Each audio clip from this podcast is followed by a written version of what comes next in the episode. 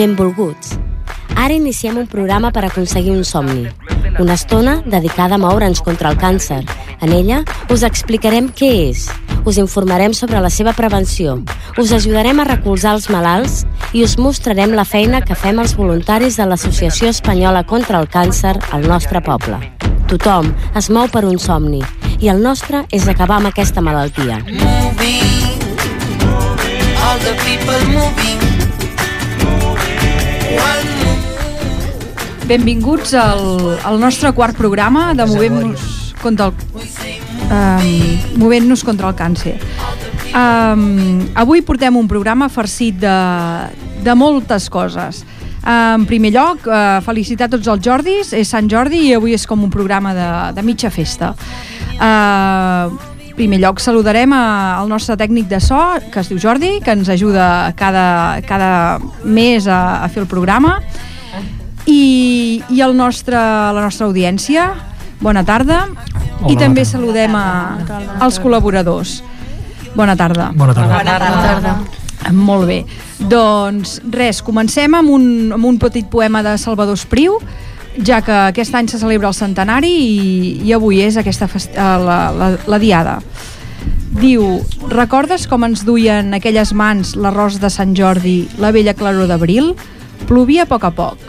Nosaltres, amb gran tedi, darrere la finestra, miràvem, potser malalts, la vida del carrer. Aleshores, ella venia, sempre olorosa, benigna, amb les flors, i tancava fora, lluny, la sofrença pel pobre drac, i deia molt suaument els nostres petits noms, i ens somreia. Salvador Espriu. Bé, doncs, eh, comencem ja amb, amb el sumari de continguts. Avui tindrem una explicació de les activitats que es van dur a terme per Sant Jordi el passat diumenge a, a la Rambla de Ripollet. Després eh, farem una petita entrevista als nostres voluntaris de, de l'ACC de, de Ripollet. Posteriorment, la- l'Aurora, que s'incorpora a col·labora, col·laboradora habitual al nostre programa, ens parlarà de l'impacte del pronòstic de, del càncer i les proves posteriors que, que es poden fer i que s'han de fer. Després tindrem una cançó que ens amenitzarà una mica a la tarda i continuarem amb l'entrevista mm, a la Maite Martín, exprofessora, exmestra del CAI. Encara sóc mestre. Ah, encara, perdó. De, mestre del, de l'ensems claver de- d'aquí Ripollet. I anirem acabant ja amb l'agenda, amb els propers actes que té previst eh, l'ACC, una altra cançó i ja ens acomiadarem. D'acord? Doncs vinga, endavant, comencem.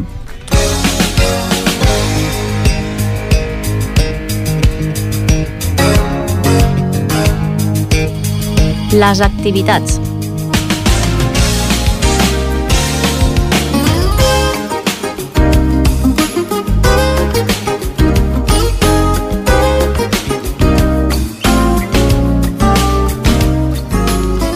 Vinga, doncs, la primera mm, activitat que tenim és parlar una mica d'aquest Sant Jordi a la Rambla de diumenge passat. La Núria ens portarà aquesta informació. Què, què ens pots explicar? Doncs hola, bona tarda. Bona tarda. Doncs sí, com diu la Remei, us explicaré una miqueta com va anar diumenge. Vam quedar cap a dos quarts de deu del matí per muntar la paradeta i una vegada muntada ens vam repartir les bolletes per fer el sorteig i vam dir manos a la obra. La veritat que va ser tot un èxit. Quasi vam tardar com unes 3 horetes i vam vendre 800 números. A tres quarts de dues vam fer el sorteig. Vam trigar una miqueta perquè el sorteig era dos quarts d'una, però ens faltava la Mercè, que no arribava, no arribava, a l'Albert, que és el president de l'ACC, la va trucar per telèfon, i res, que no venia, que no venia, i fins tres quarts de dues no va aparèixer. Vam Bueno, fer el sorteig, La gent No hi I la gent impacient davant de la... Eh? No, vam crear expectativa. molta, molta. I el tema estava que la Mercè estava venent números. Clar, també. i no podíem començar el sorteig sí, sí. i ella seguim venent. I res, vam recopilar tres o quatre nens que teníem allà a la paradeta, que eren nens nostres, i vam fer doncs, el sorteig tipo bingo, un bingo casolà que ens va portar la Núria Igualada, que és una voluntària també de l'ACC, i res, vam començar el sorteig i va sortir el número 588. Us recordo que el número no ha sortit encara i si... Potser el tinc jo. Doncs mira-ho, mira-ho aviam si el tens, perquè el 588.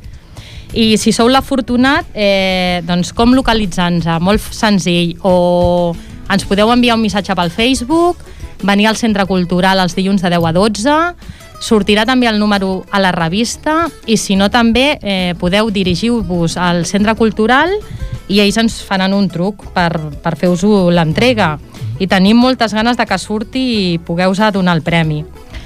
Eh, ara mateix us vull presentar dues noies molt jovenetes, l'Anna i l'Alícia, una de 14 anys i l'altra de 16. Són germanes i ens van acompanyar el diumenge 23, bueno, no, perdó, el diumenge 21 a la Rambla. I, i res, van venir super d'hora, a les 10 les teníem allà, amb, amb bulletes i bueno, van començar a vendre. I les hem portades avui aquí per, per preguntar-los res, tres preguntetes i, i res, aviam, la, la i l'Alicia.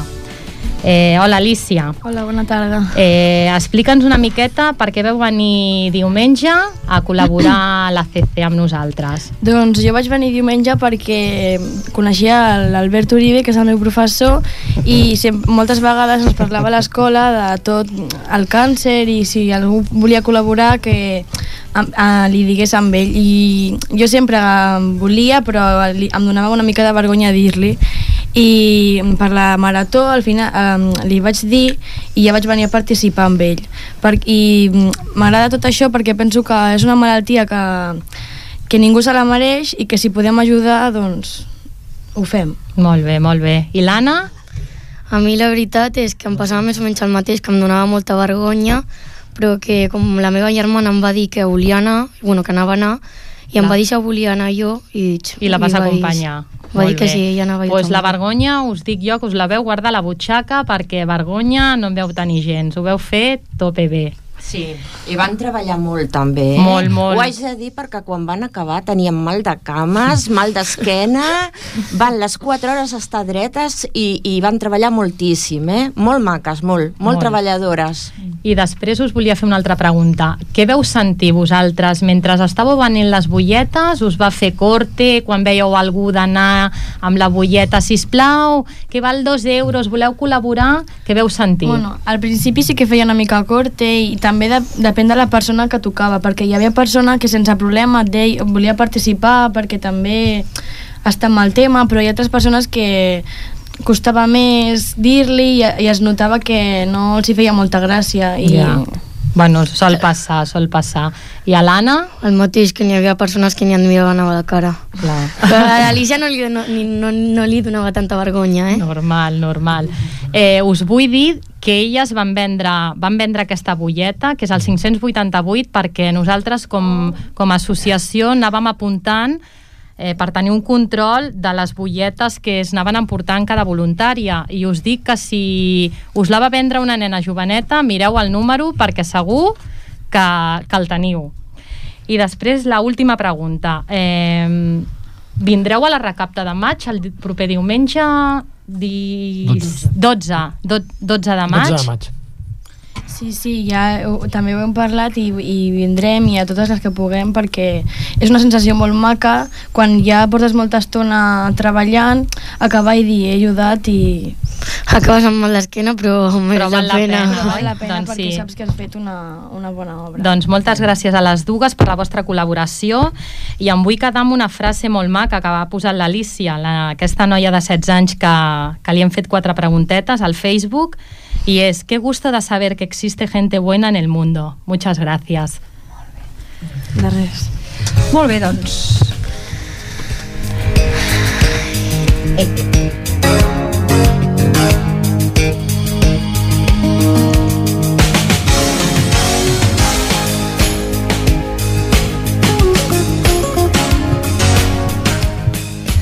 Seguim amb el programa. Aviam, la Núria ens volia comentar alguna coseta més? Sí, també, Remei, volia donar les gràcies també a, a una noia que es diu Maribel Cárdenas, que és la mare d'una nena de l'escola Sant Graviel, també és una alumna de l'Albert Uribe, eh, que ens va portar unes madalenes caseres fetes per ella eh, i res, les va portar a la paradeta, ens va dir que les havíem fet per col·laborar amb nosaltres i des d'aquí doncs li vull donar les gràcies perquè estaven boníssimes, eren de xocolata i normals. Vam acabar amb elles i la veritat que va ser un èxit, la gent em va comprar i des d'aquí doncs us vull tornar a donar les gràcies. I després també vull comentar-te res, un, un petit incís doncs que també mm, tenim a l'Aurora eh, que fa una paradeta, sempre ens acompanya sí. a totes, a tot, al, als balls, al Sant Jordi, i res, vull que ens expliquis Sí. una miqueta, Aurora, res, Bueno. dos línies. De fet, el mèrit no és meu. Eh, jo, com a mare d'un nen oncològic, he conegut a moltes mares i passem tantes hores a l'hospital, tantíssimes, que l'avorriment és enorme. Què passa? Doncs que busquem maneres de distreure'ns. I tinc moltes amigues que fan coses, doncs, manua manualitats, etc que m'envien a mi perquè les pugui vendre i recaptar. I són aquestes famoses nines que I estan tan agradant famoses, tant a Ripollet famoses, tan famoses. que les fa una senyora que es diu Conchi, viu a Lugo, i, i són unes nines mm, que són a, a, a modo de... bé, que es poden penjar la roba, la motxilla i són molt divertides, però bé, a part de nines fa moltes coses més, bisuteria. I a part d'això també tinc una altra amiga a Montcada que m'envia una mica de bisuteria. Bueno, fem una miqueta de, una miqueta de recull i això també ajuda a poder doncs, recaptar per la CC. Molt bé, I, molt bé. I bé, tot és ben I agraït, després oi? et, et deixes una cosa molt important, els punts de llibre tan Sí. xulos que has fet. Bueno, això ja Molt poder, xulos. a títol personal, jo sempre quan col·laboro amb l'ACC eh, us donareu compte que tot és per l'ACC, però sempre porto com a bandera a la malaltia del meu fill, que és el sarcoma d'Ewin, una malaltia molt minoritària, i sempre porto una xapa, una samarreta, el que sigui que faci referència. Llavors vaig tenir la idea de fer punts de llibre doncs per al dia de Sant Jordi, amb un escrit que va fer el meu fill pocs dies abans de marxar, i és un escrit que, curiosament, ha anat per les redes socials i ha compart han compartit milers de persones, s'ha fet molt, molt conegut, i vaig fer punts de llibre amb aquest escrit i al revers el color del sarcoma d'Ewin amb un cor, que és el color groc. I, bueno, van agradar molt i per mi un orgull enorme, clar que sí. Molt bé. Doncs moltes gràcies, Aurora. Gràcies, Núria, gràcies, Aurora. Continuarem amb el programa perquè avui tenim tants col·laboradors, estem tan farcits de- d'informació, de, de notícies i tal, que hem d'anar avançant. Gràcies, eh? Uh, us dono quatre dades um, per recordar, eh?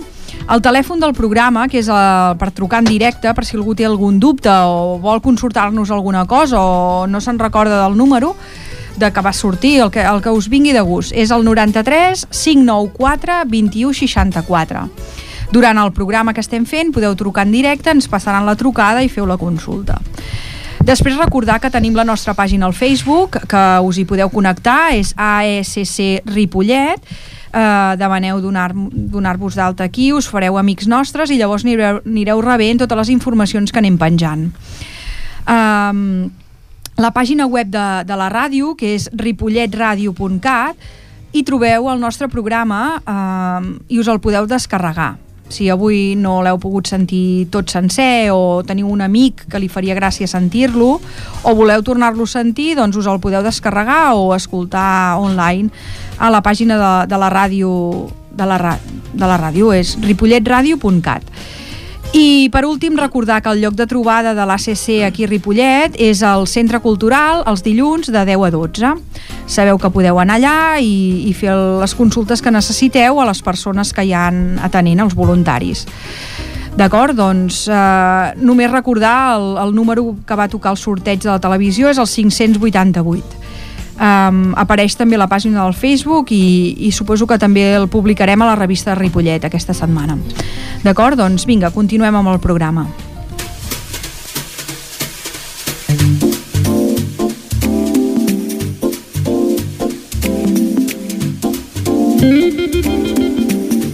Els voluntaris.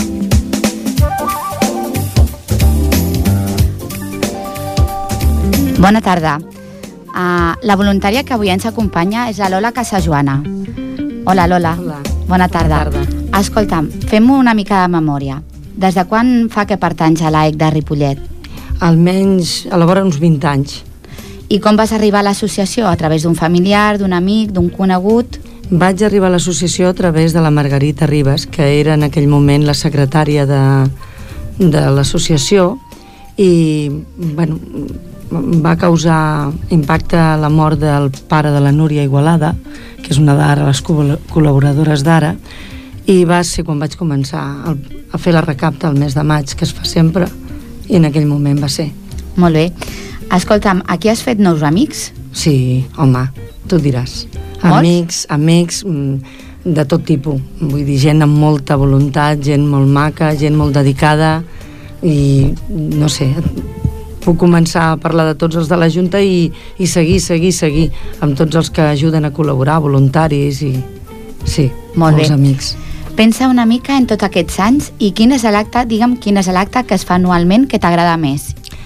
A veure, el que m'agrada més és el de Sant Jordi perquè és una diada molt maca, perquè té un significat molt maco, perquè hi ha moltes entitats, perquè mm, encara que en sigui no es recapti tant que millor que amb la recapta, però és un, un dia que surt molta gent al carrer i, i és, molt, és festiu. És, I potser és la que més m'agrada de totes. Molt bé. Ens sabries dir quin és l'acte que fins ara, durant aquest any i els anys posteriors, que s'ha recaptat més?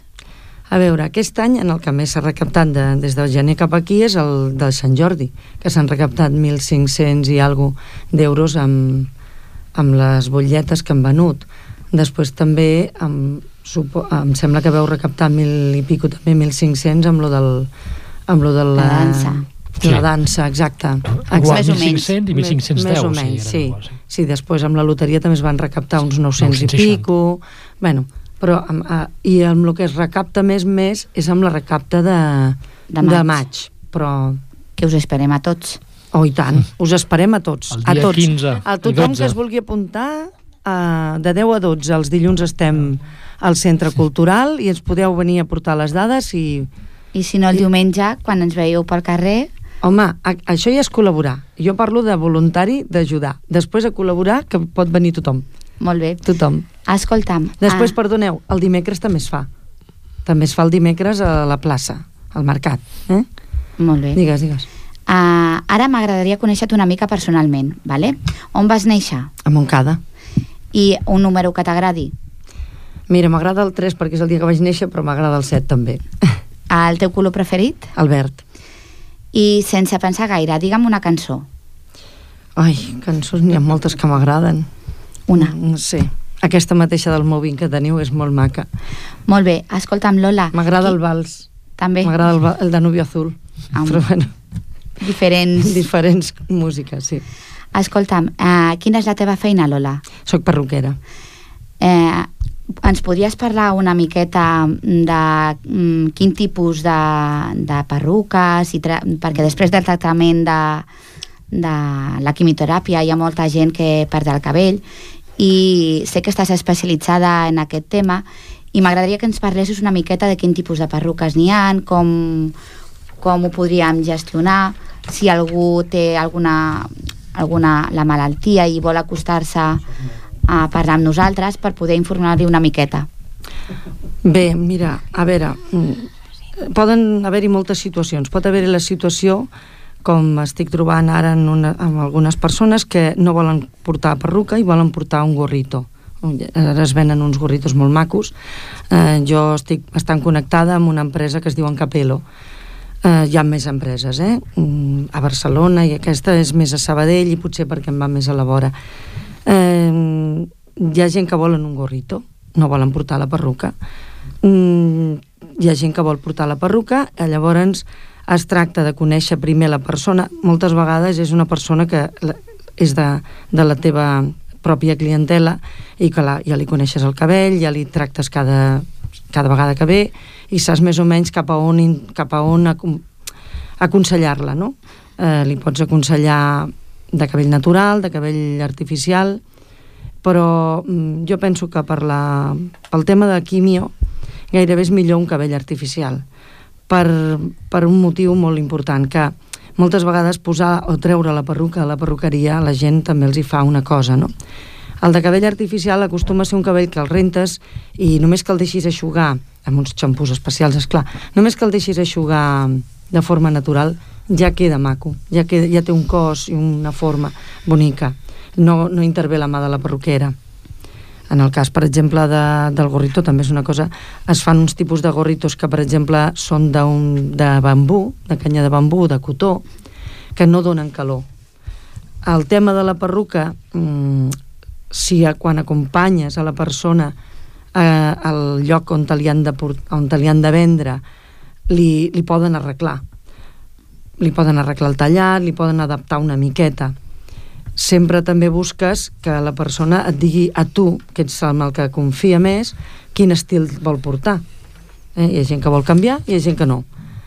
I després, si la persona no, no és client teu, ve de fora, ve te l'envia una altra persona, sempre has de procurar doncs, que arribar que aquella persona t'expliqui de quina manera vol anar i amb, amb quin tipus de tallat vol anar, quin tipus de, de perruca vol anar. Jo desaconsello, encara que sigui per una quimio, que es comprin perruques a, a la tuntun. O sigui, que s'acostin a una botiga i, mira, aquesta, oi, aquesta li està molt bé. Però li està molt bé no vol dir que t'hi hagis de sentir a gust. Jo crec que han de buscar la mà d'un professional, com tot. Suposo que és com tot, no? Perquè no serà allò que el metge et diu vostè hauria de prendre unes vitamines i agafi i se'n vagi a qualsevol lloc a comprar unes vitamines. Si ha de prendre unes vitamines, que l'aconselli el metge. Si ha de portar una perruca, que l'aconselli un perruquer. Molt bé. Hi ha perruquers més especialitzats que altres. Hi ha perruquers que millor se'n desentenen, no volen saber res. Però jo puc dir que aquest tema l'he tocat molt i, i li entenc. Per lo que m'estàs dient, hi ha perruqueries especialitzades Sí. i esteu en contacte amb l'associació, Sí, oi que sí? sí. Però qualsevol pacient pot acostar-se a la seva perruqueria habitual i pot demanar una perruca i que aquesta perruqueria es posi en contacte també amb l'associació? Sí. O sigui que no hi hauria cap problema. Home, no, si l'associació està disposada a atendre a qualsevol perruquer perquè el pugui acompanyar, mm, u- us podem donar diverses adreces de, De llocs de llocs per, sí, diverses adreces. Molt bé. Doncs mira, canviant de tema ara, Lola, uh, i per finalitzar, m'agradaria que em diguessis un desig. Un desig? No sé, el desig més gran seria que no s'hagués de curar aquesta enfermetat, que no hi hagués aquesta enfermetat per curar per curar-la, per haver-la de curar. Molt bé. Pues gràcies, Lola, per haver estat amb nosaltres aquesta tarda Moltes gràcies a i vosaltres. fins un altre dia. Gràcies. Adeu. Gràcies. Sempre que... Sí.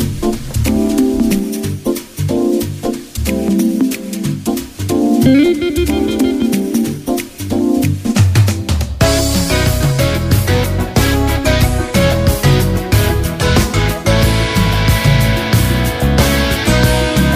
monogràfic.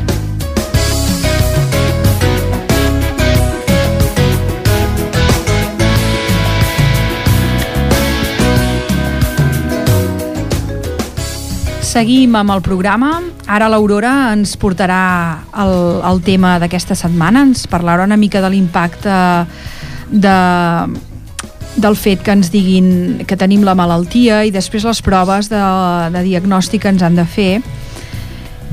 I quan vulguis, Aurora, pots començar. Molt bé. Hola, bona tarda. Bueno, la part meva poder és més, la més avorrida de totes, però no deixa de ser important per les persones que, que ens escolten, que estan malaltes o bé els familiars. Anem a parlar una mica per sobre de, el primer de tot, quan ens diuen que tenim, que tenim càncer, del primer impacte i com seria la manera ideal de- d'encarar-lo. Després, si podem, parlarem una mica de les proves de diagnosis més conegudes, perquè són paraules molt rares, que a vegades te les diuen i, i per no preguntar no saps el que són, no? Però bueno, de, de primer de tot anem a parlar una mica eh, a l'impacte o la commoció inicial de que vas al metge, de que t'has trobat malament, de que hi ha sospites i de cop i volta et diuen que, que tens aquesta malaltia i que tens un càncer.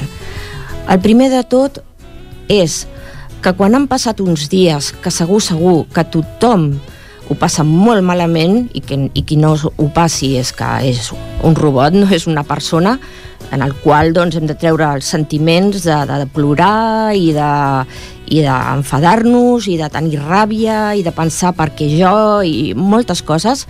Després ho hem d'encarar com si fos doncs, una feina Hem d'encarar el càncer com una malaltia, però que no significa en cap moment que aquesta malaltia vulgui dir que ens hem de morir. Hem de tenir molt clar que avui en dia s'ha avançat molt, molt en la investigació i que càncers que fa 10 anys o poder més no tenien cura, avui en dia sí que la tenen. No vol dir que tots, però s'ha avançat moltíssim. Per tant, ho hem d'encarar com una feina en la qual nosaltres i la nostra família s'ha d'implicar i ens han d'ajudar, haurem de treballar moltíssim. Treballar vol dir encarar els tractaments amb positivisme, eh, anar a l'hospital, eh, els tractaments que ens proposi l'oncòleg eh, dia a dia i que cada dia que fem el tractament serà un dia menys eh, en el qual aconseguirem acabar i, si tot va bé, curar-nos. Llavors, a partir d'encarar així la malaltia, eh, el pacient què és el que ha de fer? Doncs eh, informar-se bé amb el doctor de quina és o de quin tipus és el, el seu càncer i mai quedar-se amb dubtes. Hi ha molta gent que va al metge i per vergonya o el que sigui no pregunta. És molt important saber quin tipus de càncer tenim, quines són els pronòstics i quin serà el tractament que haurem de seguir.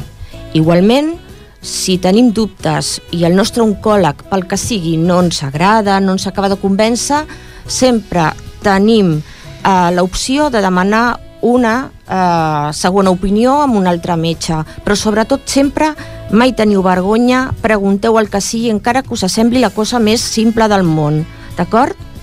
Bé, doncs ara anem a parlar una mica de les proves de diagnòstic, que són molt generals per tothom. En alguns càncers es poden fer algunes, en d'altres càncers unes altres, però són molt generalitzades. Bé, les proves de diagnòstics van dirigides a, a diagnosticar quin tipus de càncer tenim, en quin grau es troba, el podem trobar molt inicial o molt avançat, inclús amb metàstasis en un altres òrgans, i com ho podem saber? Bueno, primer parlarem de la biòpsia, que és una, és una prova, mm, és poder la més definitiva de totes. La biòpsia és fer una petita extracció d'una quantitat també molt petita de teixit eh, per fer després un examen al microscopi. Eh, aquesta biòpsia, aquest teixit, serà analitzat per un patòleg i és la prova definitiva que ens pot gara- garantir quin tipus de malaltia, de càncer tenim i en quin estat eh, es troba d'avançat. Després, eh, on s'ha avançat molt és en les proves d'imatge. Les proves d'imatge el que ens determinen és el càncer eh, si s'ha disseminat a altres parts del cos, la mida i el lloc on es troba. La més normal, la més comú que coneixem és la radiografia, el Reich X, eh? que és una manera de crear una, una, ima una imatge de les estructures internes del cos pues, fent servir una petita, petita quantitat de radiació. Ara comencem ja amb les paraules més rares, poder. Tenim la gammagrafia òssea. La gammagrafia, mm, gamma òssea es fa servir amb un marcador radiactiu per poder observar l'interior dels ossos, eh, el moll de l'os. Eh, S'injecta un, mar un marcador, un líquid intravenós, que s'acumula a les parts dels ossos. Eh, després, quan els especialistes ho miren, eh, quan veuen la imatge de l'os de color gris, vol dir que és un os que està mm, bé, que està sa, però quan veuen que el color és un color fosc, això els indica que l'os està malalt i està afectat. Els hi pot indicar la quantitat o el puesto on està l'os afectat. Això seria la gammagrafia òssea. Després tenim el TAC, que és un estudi de tomografia computeritzada, raríssim, TAC. Eh, segur que qui està malalt també la coneix. També és una prova de contrast on s'injecta un líquid, a vegades no, depèn una mica del que s'hagi de mirar. El TAC el que ens dona és una imatge tridimensional de l'interior del cos i eh, combina les imatges detallades amb talls transversals que ens ensenyen les anomalies o els tumors de manera milimètrica. Eh? Aurora, crec Sí. que és que avui anem molt malament de temps Sí. i tenim moltes dades. El que ens està explicant és molt interessant, Sí. però veig que t'has preparat molt bé la informació i, i crec que perquè puguem seguir amb les entrevistes que tenim preparades eh, deixem pel proper programa el, la resta de proves, d'acord? Sí, res, ja queda poquet, però la progre, al proper programa pues, us explico El que les queda. proves que queden. D'acord. Eh? Un Doncs- segon, per ara, eh, fem, sí. recapitulatem, hem explicat Sí. el que és la biòpsia, hem explicat la gamografia òssia Sí. i hem explicat el TAC. El TAC. Per tant, ara sí que cita'ns quines proves quedarien més, a part d'aquestes només no expliques, explicarem el proper dia, però citar-les una miqueta quines són. Bueno, el PET, Mhm. raríssima també, tomografia per emissió de positrons, el PEC-TAC, que és el TAC combinat amb el PET, que és la prova més novedosa que hi ha i més més completa, en prova d'imatge. Després parlaríem de les proves endoscòpiques, molt important també, i evidentment les analítiques de laboratori que marquen els barems tumorals. Doncs moltes gràcies i seguim endavant.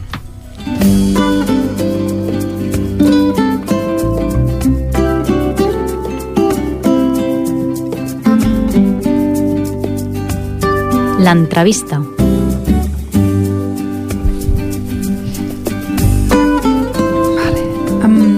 Seguim ara amb l'entrevista. Uh, L'Albert ens entrevistarà la, la Maite Martín. Endavant, Albert. Hola, bona tarda a tothom. Hola.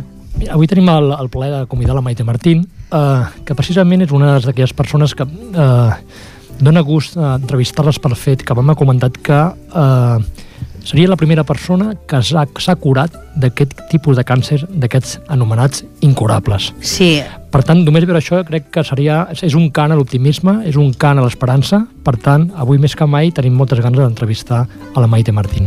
La Maite Martín se li va diagnosticar un càncer d'aquests, diríem, entre cometes, raro, o raro, raríssim. raríssim que era un càncer de peri- peritoneo, Sí. i em comentava justament abans d'arribar, em deia que, que ella creia que era l'únic cas, l'únic cas que coneixia que es havia, que es havia curat. Sí, la meva oncòloga, perquè jo li vaig preguntar quan me'l va cuando me lo diagnosticó, me dijo que era un cáncer muy raro, que era un cáncer muy reacio a la quimio, que era inoperable. Y yo le dije, bueno, me meto ya en la caja. Me dijo, no. Dice, hay personas que viven en tablas. Digo, ¿y eso qué es? Dice, pues vivir con él, hace- cronificarlo Ajá. a- a- con el tratamiento y con las quimios. Entonces yo le dije, bien, yo voy a luchar, pero yo solo te pido una cosa, si esto puede conmigo, yo no quiero sufrir. Y ella me dijo, "Eh, mis- no va a llegar el, no va a ser el caso, pero mis pacientes no sufren. Ujú. Yo no quise, eh, no quise, yo confié plenamente en ella y me, me dediqué plenamente al tratamiento que, que ella me, me indicó. Mira, Maite, si cas fem una coseta per, Sí. per guiar una mica els nostres oients. Uh, començarem pel principi. Diríem, Sí. Com vas notar tu que alguna cosa no anava bé dins teu? Pues a mí no me dolía nada, yo estaba trabajando en el colegio mm, bien. Eh, era, fue la semana justo, quedaban tres días con niños y ya se acababa el curso. Y yo aquella última semana, no sé por qué, tenía la manía de que tenía que acabar los informes, que tenía que acabar los informes. Y yo, eh, bueno, cuando me, me, acuesto, cuando me echo, tengo la televisión y cada vez me veía más barriga. Digo, pero qué cosa más rara, ¿no? Tenía que subirme la, la, la, la cama más. Bueno. Y ya el sábado resulta que no cabía en nada. O sea, eh, el lunes yo cabía en toda mi ropa, en mis pantalones, en mis vestidos, en todo. Y el sábado no cabía en nada, absolutamente no cabía en ningún sitio. Entonces fui de urgencias. Me dijeron que podían ser gases, que si el digestivo, me dieron para para la bueno, para las molestias y tal y me enviaron para casa. Vale, pues eso fue un sábado. Y el domingo, que coincidió con el día del corpus del, del, del, del, del año 2011, le dije a mi marido, llévame porque hoy me quedo. Me da igual quien me toque. Yo me quedo allí porque a mí esto, que no me digan que estos son gases, porque esto no, yo me encontraba muy rara, mm, molesta, no sé, rara. Y tuve la enorme suerte que estaba de guardia la que hoy es mi oncóloga. Ya no me dejó. Ya está. O sea, fue por, por, por aumento de, de volumen de, de él. Pero yo, eh, te digo la verdad, yo no he tenido dolores nunca. Jamás. No. Al començament, eh, com vas afrontar el, el tractament inicial? Quin tractament et van fer només començar? Eh, quimios. A ver, no. Lo primero fue la intervención. Una operació, que- una sí, operació, primero cirugía. fue la, la- la intervención porque me dijeron que, que, claro, me tenían que extraer el líquido. El líquido. Yo jamás había oído que los tumores fueran líquidos. Pues sí, los tumores, hay tumores que son líquidos, llenos de células cancerosas, que son líquido. O sea, no, no es solamente eh, tumor, pero yo nunca lo había oído eso. Bueno, eh, entonces dijeron, te extraeremos todo el líquido para analizar y eh, miraremos un ovario, porque no sabemos si está afectado o no. Entonces, bueno, pues yo fui a. Me hicieron la operación el día 30 de junio. Me extrajeron más de 4 litros de tumor. Más de 4 litros de tumor. Y no, el ovario estaba bien. Entonces me operaron el día 30 y el día el 30 de junio y el día 12 de julio ya ya, tom- ya me pusieron la primera quimio. Uh, únicament has tingut tractament de quimio, també de ràdio o No, no, no. només quimioteràpia? Quimios, quimios. Has seguit així? per- Quimios fortísimas, ¿eh? Quimios de, de estar, si siempre te hacen las analíticas y después te ponen la quimioterapia. A part, un segon només, a part del tractament mèdic convencional, vas seguir un altre tipus de tractament a nivell natural o a nivell... No. El tratamiento que yo me dije es que yo me tenía que ayudar y yo tenía que estar por mí y yo tenía que ayudarme y fui me mm, allí me dieron un- una bueno un libro y tal y en Oncolliga hay servicio de psiquiatría de, de, de, mm, psicólogo Sí, sí. entonces yo dije, bueno, pues voy a ir porque si me, si me ofrece algo bien y si no, pues también. Me ayudó mucho, mucho, mucho la gente de, de Oncolliga de Terrassa. Voldries uh, recordar algun professional que, que t'hagi ajudat, especialment en aquest, en aquest trajecte? Todos. Sense diferència, en principi tothom t'ha t'ha ajudat. Eh, mi ángel, yo siempre, a mi oncóloga, Susana Casado, que es oncóloga en, en yo le llamo mi ángel. O sea, yo confié plenamente y sin, sin mirar yo nada, ella es la que ha ido dirigiendo todo, ella es la que me derivó al cirujano que el único que hay en España, que lo tenemos eh, eh, en la seguridad social, que parece mentira que las personas, cuando están los doctores y las enfermeras eh, pidiendo unos derechos, aún digan que por qué no les visitan porque le hace daño la rodilla. Señores, yo tengo las rodillas muy mal y casi no puedo andar, pero me da igual que tenga que esperar 14 años para operarme por unas rodillas, porque los, los doctores, lo que es vital, como es cardiología y oncología. No hay lista de espera. Y son unos auténticos profesionales. Y lo que tenemos que hacer es más estar con los doctores y con las enfermeras y luchar por nuestra salud que no estar criticándolos cuando están ahí manifestándose porque no hay camas, porque no hay hospitales y porque les están recortando todo. Crec que aquí tothom hi, hi estem força d'acord amb tu. Maite, només alguna pregunta per acabar. Uh, la teva vida, a partir de l'experiència amb el càncer, ha canviat? A ver, el cáncer, eh, yo he sido siempre una persona vital, una persona que amo la vida mm, y sigo amando la vida. Y yo con todo mi tratamiento he seguido saliendo cada día a la calle. Eh, no he estado, a lo mejor un día que te has encontrado un poquito mal por las molestias, porque tienes molestias, ¿eh? Me ha todavía, yo antes saboreaba la vida y ahora la saboreo mucho más, muchísimo más, muchísimo más, muchísimo más. Yo no me preocupo de estar con personas que no me dan nada, ni me ofrecen nada, personas negativas, personas aburridas, personas que están, no, de todas, de todo ese tipo de, de persona paso. Eh, mm, la factura que me ha pasado para mí me duele mucho porque me ha dado, gracias al tratamiento, me ha dado mi vida. Mm, Estoy viva, pero me ha quitado mi trabajo, que, que era una parte que yo amaba mucho y que, y que la tengo que dejar. Pero bueno, la tengo que dejar, pero pienso que, que bueno, que estoy aquí y que tengo muchas cosas que hacer, muchísimas, y una de las que haré, porque lo tengo muy claro, lo hablé con el señor que hay allá arriba, que algunos creen en él y otros no, pero yo, yo sí que creo en él y en la Virgen también creo, y lo digo porque lo siento y porque, y porque es así. Y yo dije, Dios mío, déjame aquí. Porque cuando yo esté, eh, cuando yo a mí me den el alta, yo me voy a dedicar a lo que siempre he querido, que son los niños, a los niños y a las familias que tienen niños con problemas oncológicos. Todavía ahora no puedo porque me tienen que dar el alta a mí, pero cuando me den el alta, yo me dedicaré a ellos. Molt bé, Maite, només ara sí, ja per acabar, ens podries donar algun consell, sobretot a alguna persona que fa poc que li han diagnosticat la malaltia? Què li podries dir tu? fuerza, esperanza y confía. Que confíe. Sobre todo que, que confíe y que esté tranquila. Lo peor que hay, lo peor que hay son los problemas, el, el pesimismo, el ha de confiar, que se sale, que se puede, se puede. Yo dije, ahí voy, ahí voy, yo me curo, yo me curo, ahí voy, yo me curo y aquí estoy. Moltes Molt bé, gràcies. doncs molt agraït per aquest símbol i hem dit de- d'esperança i de força que ets tu, Maite. Merci. Gràcies. De res.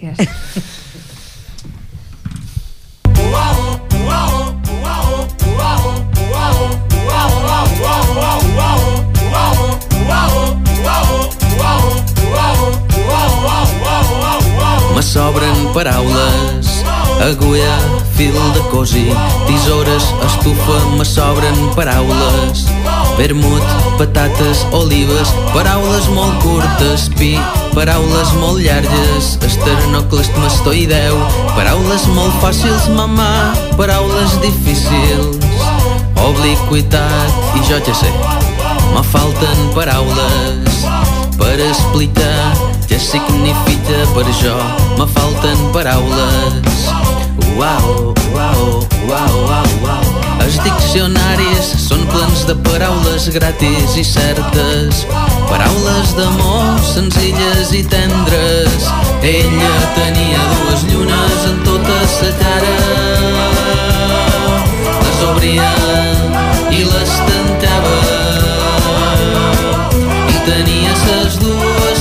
de sa lluna una blanca i l'altra obscura me sobren paraules però no tenc res a dir.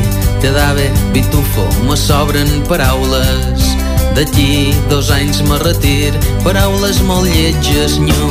Paraules molt guapes lapis lazuli paraules provisionals amb els accents girats ella tenia dues llunes en tota sa cara.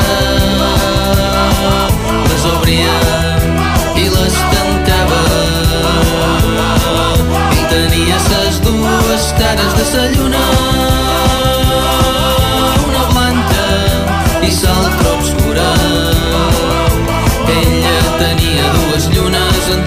sa cara les obria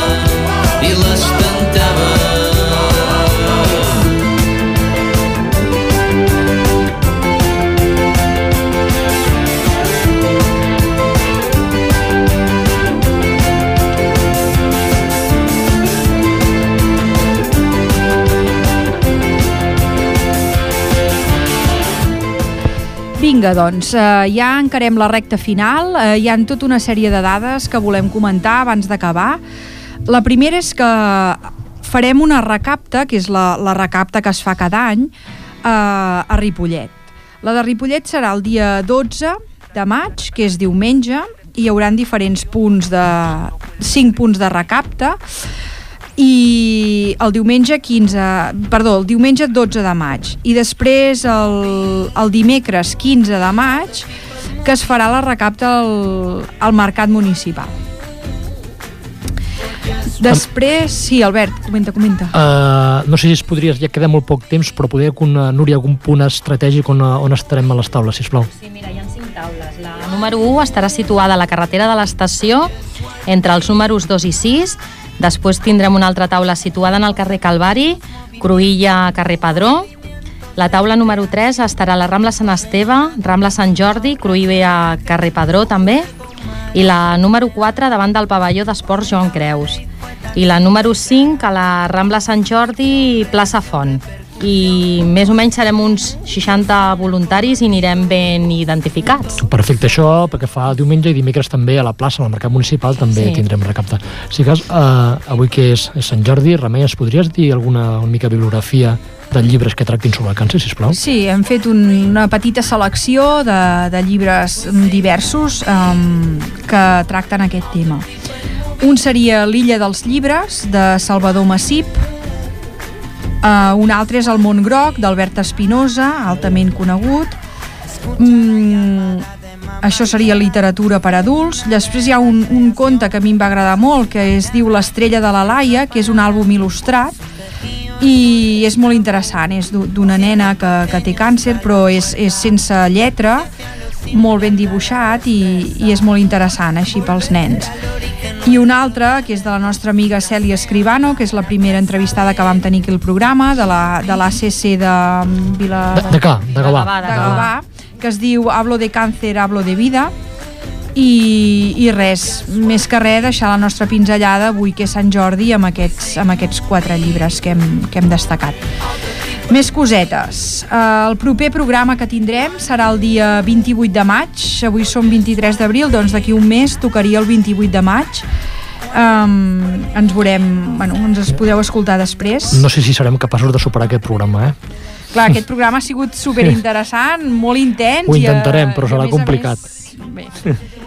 Um, I res, recordar que, que podeu sentir el programa uh, una altra vegada repetit uh, el diumenge que ve. Avui som dimarts, doncs diumenge que ve uh, de les dues a les 3 a ripolletradio.cat també us el podeu descarregar i res, moltes gràcies a tots per la vostra col·laboració, per les vostres paraules. De res. I gràcies al nostre tècnic i a la nostra audiència per escoltar-nos. Fins la propera. Adeu. Adéu, adéu.